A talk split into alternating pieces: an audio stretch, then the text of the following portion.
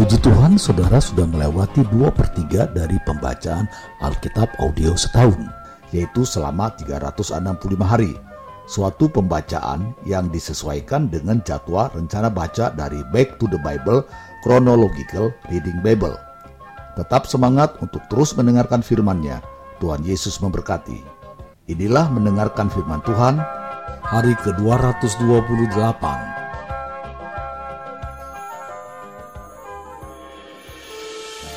Yeremia pasal 32 ayat 1 sampai 44. Pembelian ladang sebagai jaminan dari keselamatan Yehuda yang akan datang. Firman yang datang dari Tuhan kepada Yeremia dalam tahun yang ke-10 pemerintahan Sedegia Raja Yehuda. Itulah tahun yang ke-18 pemerintahan Nebukadnezar. Pada waktu itu tentara Raja Babel mengepung Yerusalem dan Nabi Yeremia ditahan di pelataran penjagaan yang ada di istana Raja Yehuda. Sebab Zedekia Raja Yehuda telah menahan dia di sana dengan tuduhan, Mengapa engkau bernubuat? Beginilah firman Tuhan, Sesungguhnya aku menyerahkan kota ini ke dalam tangan Raja Babel, supaya ia mendudukinya. Sedegia Raja Yehuda tidak akan luput dari tangan orang Kasdim, melainkan pasti akan diserahkan ke dalam tangan Raja Babel, sehingga ia berbicara dengan dia mulut sama mulut dan melihat dia mata sama mata. Sedegia akan dibawanya ke Babel, dan di sanalah ia akan tinggal sampai aku memperhatikannya. Demikianlah firman Tuhan. Apabila kamu berperang melawan orang Kasdim itu, kamu tidak akan beruntung. Berkatalah Yeremia, firman Tuhan datang kepadaku bunyinya, Sesungguhnya Hanameel, anak Salum pamanmu, akan datang kepadamu dengan usul, belilah ladangku yang di Anatot itu, sebab engkaulah yang mempunyai hak tebus untuk membelinya.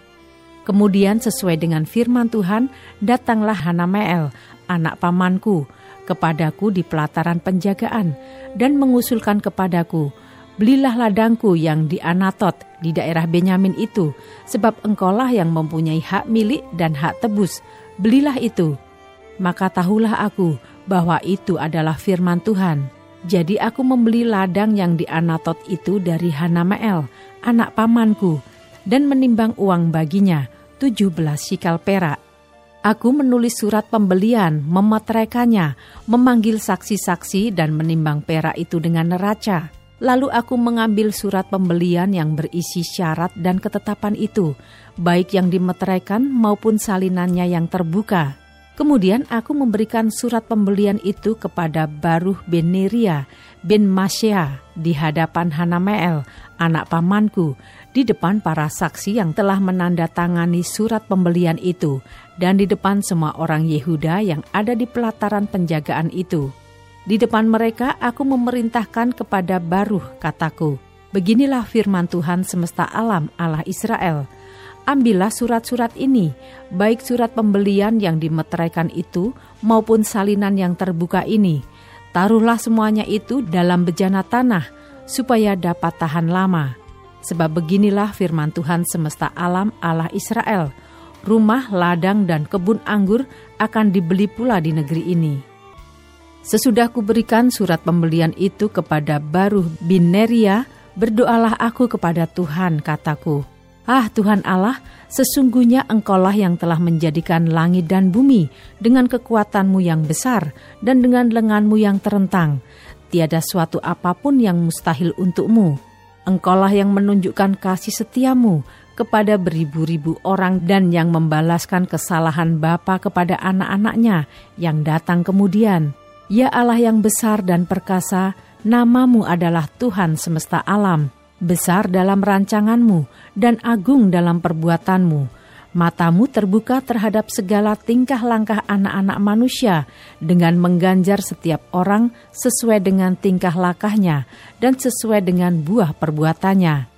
Engkau yang memperlihatkan tanda-tanda dan mujizat-mujizat di tanah Mesir sampai kepada waktu ini kepada Israel dan kepada umat manusia, sehingga engkau membuat nama bagimu seperti yang ternyata pada waktu ini.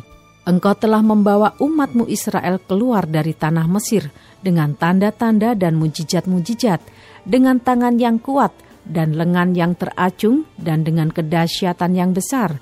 Dan engkau telah memberikan kepada mereka negeri ini, seperti yang telah kau janjikan dengan sumpah kepada nenek moyang mereka untuk memberikannya kepada mereka, suatu negeri yang berlimpah-limpah susu dan madunya.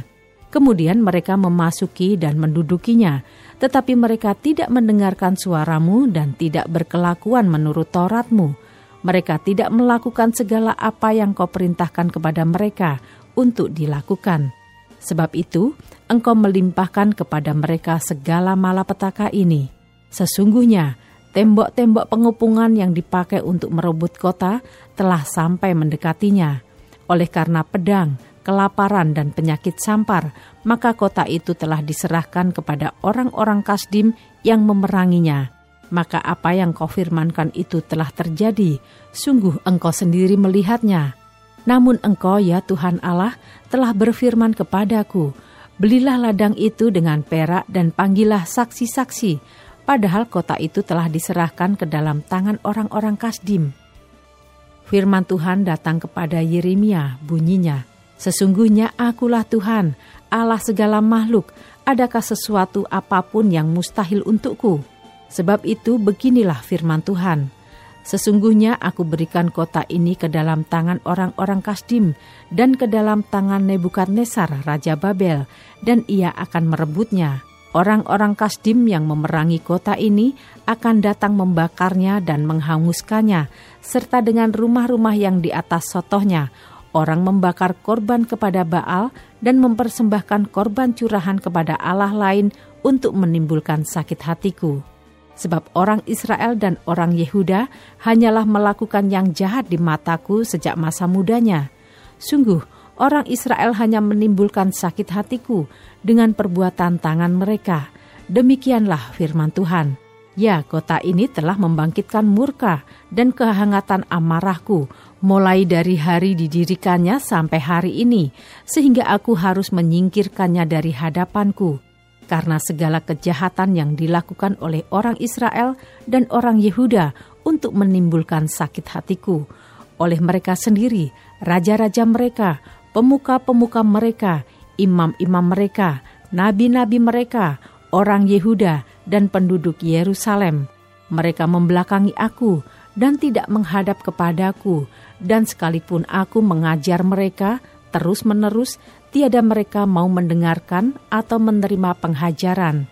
Mereka menempatkan dewa-dewa mereka yang menjijikkan di rumah yang di atasnya namaku diserukan untuk menajiskannya. Mereka mendirikan bukit-bukit pengorbanan untuk Baal di lembah Ben Hinom untuk mempersembahkan anak-anak lelaki dan anak-anak perempuan mereka kepada Moloh sebagai korban dalam api. Sekalipun aku tidak pernah memerintahkannya kepada mereka, dan sekalipun hal itu tidak pernah timbul dalam hatiku, yakni hal melakukan kejijikan ini, sehingga Yehuda tergelincir ke dalam dosa.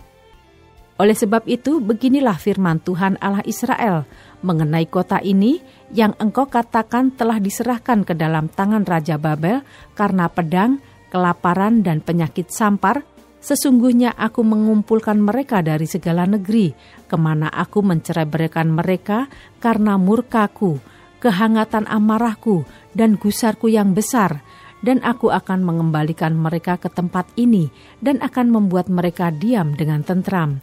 Maka mereka akan menjadi umatku dan aku akan menjadi Allah mereka.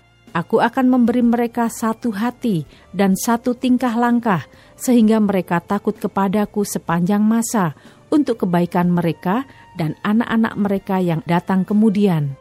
Aku akan mengikat perjanjian kekal dengan mereka, bahwa aku tidak akan membelakangi mereka, melainkan akan berbuat baik kepada mereka. Aku akan menaruh takut kepadaku ke dalam hati mereka, supaya mereka jangan menjauh daripadaku. Aku akan bergirang karena mereka untuk berbuat baik kepada mereka, dan aku akan membuat mereka tumbuh di negeri ini dengan kesetiaan, dengan segenap hatiku, dan dengan segenap jiwaku. Sebab beginilah firman Tuhan, seperti aku mendatangkan kepada bangsa ini segenap malapetaka yang hebat ini, demikianlah aku mendatangkan ke atas mereka keberuntungan yang kujanjikan kepada mereka. Orang akan membeli ladang lagi di negeri ini yang kamu katakan, itu adalah tempat tandus tanpa manusia dan hewan. Itu telah diserahkan ke dalam tangan orang-orang Kasdim. Orang akan membeli ladang-ladang dengan perak, menulis surat pembelian, memeteraikannya dan memanggil saksi-saksi di daerah Benyamin, di sekitar Yerusalem, di kota-kota Yehuda, di kota-kota pegunungan, di kota-kota daerah bukit, dan di kota-kota tanah Negeb, sebab aku akan memulihkan keadaan mereka.' Demikianlah firman Tuhan. Yeremia pasal 33 ayat 1 sampai 13. Janji pemulihan keadilan Yerusalem dan Yehuda. Datanglah firman Tuhan untuk kedua kalinya kepada Yeremia ketika ia masih terkurung di pelataran penjagaan itu. Bunyinya, Beginilah firman Tuhan yang telah menjadikan bumi dengan membentuknya dan menegakkannya. Tuhan ialah namanya. Berserulah kepadaku, maka aku akan menjawab engkau dan akan memberitahukan kepadamu hal-hal yang besar dan yang tidak terpahami, yakni hal-hal yang tidak kau ketahui. Sebab beginilah firman Tuhan Allah Israel mengenai rumah-rumah di kota ini dan mengenai gedung-gedung istana Raja Yehuda yang dirobohkan untuk dipakai terhadap tembok-tembok pengupungan dan pedang, orang akan masuk pertempuran melawan orang-orang Kasdim, dan kota ini akan penuh dengan bangkai-bangkai manusia yang telah kupukul mati karena murkaku dan kehangatan amarahku. Sebab aku telah menyembunyikan wajahku dari kota ini oleh karena segala kejahatan mereka. Sesungguhnya aku akan mendatangkan kepada mereka kesehatan dan kesembuhan, dan aku akan menyembuhkan mereka dan akan menyingkapkan kepada mereka kesejahteraan dan keamanan yang berlimpah-limpah. Aku akan memulihkan keadaan Yehuda dan Israel dan akan membangun mereka seperti dahulu. Aku akan mentahirkan mereka dari segala kesalahan yang mereka lakukan dengan berdosa terhadap aku, dan aku akan mengampuni segala kesalahan yang mereka lakukan dengan berdosa dan dengan memberontak terhadap aku dan kota ini akan menjadi pokok kegirangan, ternama, terpuji, dan terhormat bagiku di depan segala bangsa di bumi yang telah mendengar tentang segala kebajikan yang kulakukan kepadanya. Mereka akan terkejut dan gemetar karena segala kebajikan dan segala kesejahteraan yang kulakukan kepadanya. Beginilah firman Tuhan, di tempat ini yang kamu katakan telah menjadi reruntuhan tanpa manusia dan tanpa hewan, di kota-kota Yehuda dan di jalan-jalan Yerusalem yang sunyi sepi itu tanpa manusia, tanpa penduduk dan tanpa hewan, akan terdengar lagi suara kegirangan dan suara sukacita, suara pengantin laki-laki dan suara pengantin perempuan, suara orang-orang yang mengatakan, Bersyukurlah kepada Tuhan semesta alam, sebab Tuhan itu baik, bahwasanya untuk selama-lamanya kasih setianya, sambil mempersembahkan korban syukur di rumah Tuhan. Sebab aku akan memulihkan keadaan negeri ini seperti dahulu, firman Tuhan. Beginilah firman Tuhan semesta alam, di daerah ini yang sudah menjadi reruntuhan tanpa manusia dan tanpa hewan, dan di segala kotanya akan ada lagi padang rumput bagi gembala-gembala yang membaringkan kambing domba di situ. Di kota-kota pegunungan, di kota-kota daerah bukit, di kota-kota tanah Negeb, di daerah Benyamin, di sekitar Yerusalem dan di kota-kota Yehuda.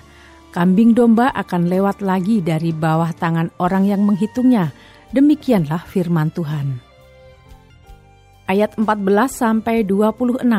Perjanjian dengan keturunan Daud dan keturunan Lewi. Sesungguhnya waktunya akan datang, demikianlah firman Tuhan, bahwa aku akan menepati janji yang telah kukatakan kepada kaum Israel dan kaum Yehuda pada waktu itu dan pada masa itu aku akan menumbuhkan tunas keadilan bagi Daud. Ia akan melaksanakan keadilan dan kebenaran di negeri. Pada waktu itu Yehuda akan dibebaskan dan Yerusalem akan hidup dengan tentram. Dan dengan nama inilah mereka akan dipanggil Tuhan keadilan kita. Sebab beginilah firman Tuhan, keturunan Daud tidak akan terputus duduk di atas tahta kerajaan kaum Israel, dan keturunan imam-imam orang Lewi tidak akan terputus mempersembahkan korban bakaran di hadapanku dan membakar korban sajian dan mengorbankan korban sembelihan sepanjang masa. Firman Tuhan datang kepada Yeremia bunyinya, Beginilah firman Tuhan, jika kamu dapat mengingkari perjanjianku dengan siang dan perjanjianku dengan malam, sehingga siang dan malam tidak datang lagi pada waktunya, maka juga perjanjianku dengan hambaku Daud dapat diingkari, sehingga ia tidak mempunyai anak lagi yang memerintah di atas tahtanya. Begitu juga perjanjianku dengan orang-orang Lewi, yakni imam-imam yang menjadi pelayanku seperti tentara langit tidak terbilang dan seperti pasir laut tidak tertakar. Demikianlah aku akan membuat banyak keturunan hambaku Daud dan orang-orang Lewi yang melayani aku.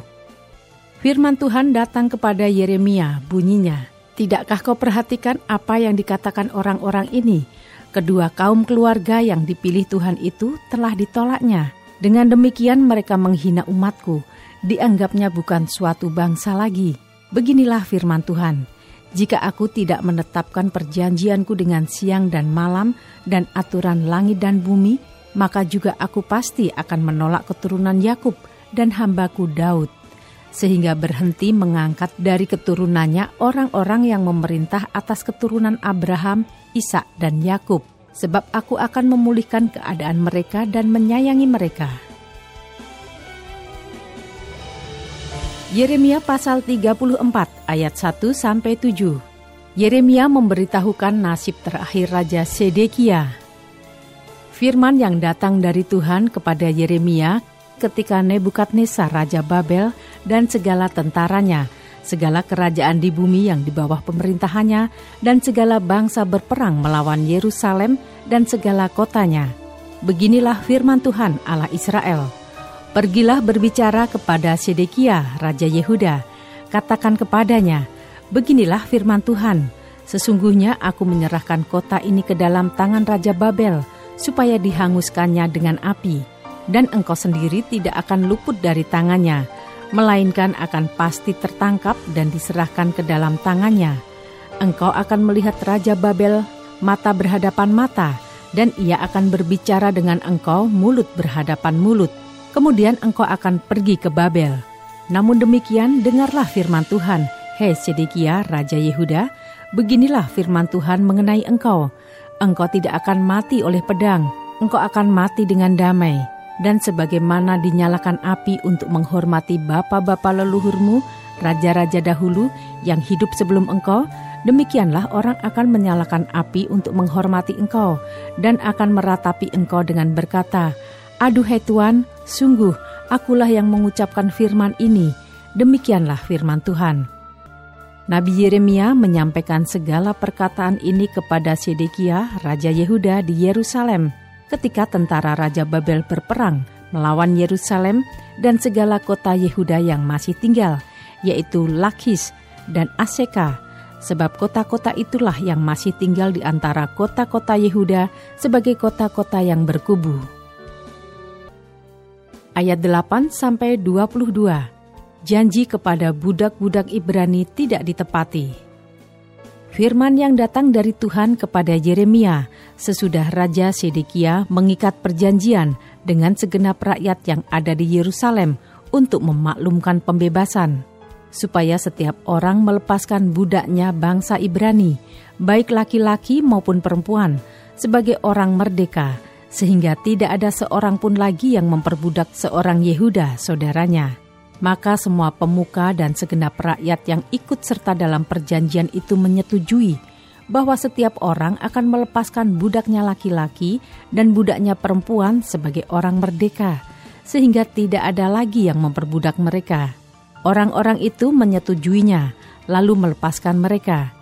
Tetapi sesudah itu mereka berbalik pikiran, lalu mengambil kembali budak-budak lelaki dan perempuan yang telah mereka lepaskan sebagai orang merdeka itu, dan menundukkan mereka menjadi budak laki-laki dan budak perempuan lagi.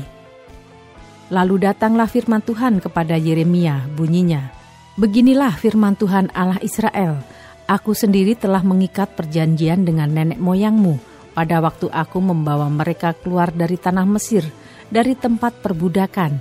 Isinya, pada akhir tujuh tahun haruslah kamu masing-masing melepaskan saudaranya, bangsa Ibrani, yang sudah menjual dirinya kepadamu. Ia akan bekerja padamu enam tahun lamanya. Kemudian haruslah engkau melepaskan dia sebagai orang merdeka. Tetapi nenek moyangmu tidak mendengarkan aku dan tidak memperhatikan aku. Hari ini kamu telah bertobat dan melakukan apa yang benar di mataku, karena setiap orang memaklumkan pembebasan kepada saudaranya, dan kamu telah mengikat perjanjian di hadapanku di rumah yang atasnya namaku diserukan. Tetapi kamu telah berbalik pikiran dan telah menajiskan namaku kamu masing-masing telah mengambil kembali budaknya laki-laki dan budaknya perempuan yang telah kamu lepaskan sebagai orang merdeka menurut keinginannya dan telah menundukkan mereka supaya mereka menjadi budakmu laki-laki dan budakmu perempuan lagi. Sebab itu beginilah firman Tuhan, kamu ini tidak mendengarkan aku agar setiap orang memaklumkan pembebasan kepada sesamanya dan kepada saudaranya, maka sesungguhnya aku memaklumkan bagimu pembebasan. Demikianlah firman Tuhan, untuk diserahkan kepada pedang, penyakit sampar dan kelaparan. Aku akan membuat kamu menjadi kengerian bagi segala kerajaan di bumi, dan aku akan menyerahkan orang-orang yang melanggar perjanjianku dan yang tidak menepati isi perjanjian yang mereka ikat di hadapanku, dengan memotong anak lembu jantan menjadi dua untuk berjalan di antara belahan-belahannya. Pemuka-pemuka Yehuda, pemuka-pemuka Yerusalem, pegawai-pegawai istana, imam-imam dan segenap rakyat negeri yang telah berjalan di antara belahan-belahan anak lembu jantan itu, mereka akan kuserahkan ke dalam tangan musuh mereka dan ke dalam tangan orang-orang yang berusaha mencabut nyawa mereka.' sehingga mayat mereka menjadi makanan burung-burung di udara dan binatang-binatang di bumi. Juga Sedekia, Raja Yehuda, beserta para pemukanya, akan kuserahkan ke dalam tangan musuh mereka dan ke dalam tangan orang-orang yang berusaha mencabut nyawa mereka dan ke dalam tangan tentara Raja Babel yang sekarang telah berangkat daripada kamu.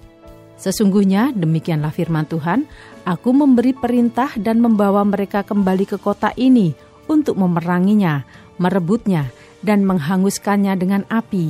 Aku akan membuat kota-kota Yehuda menjadi ketandusan tanpa penduduk. Tetap semangat, teruskanlah mendengarkan firman Tuhan. Sampai jumpa esok hari.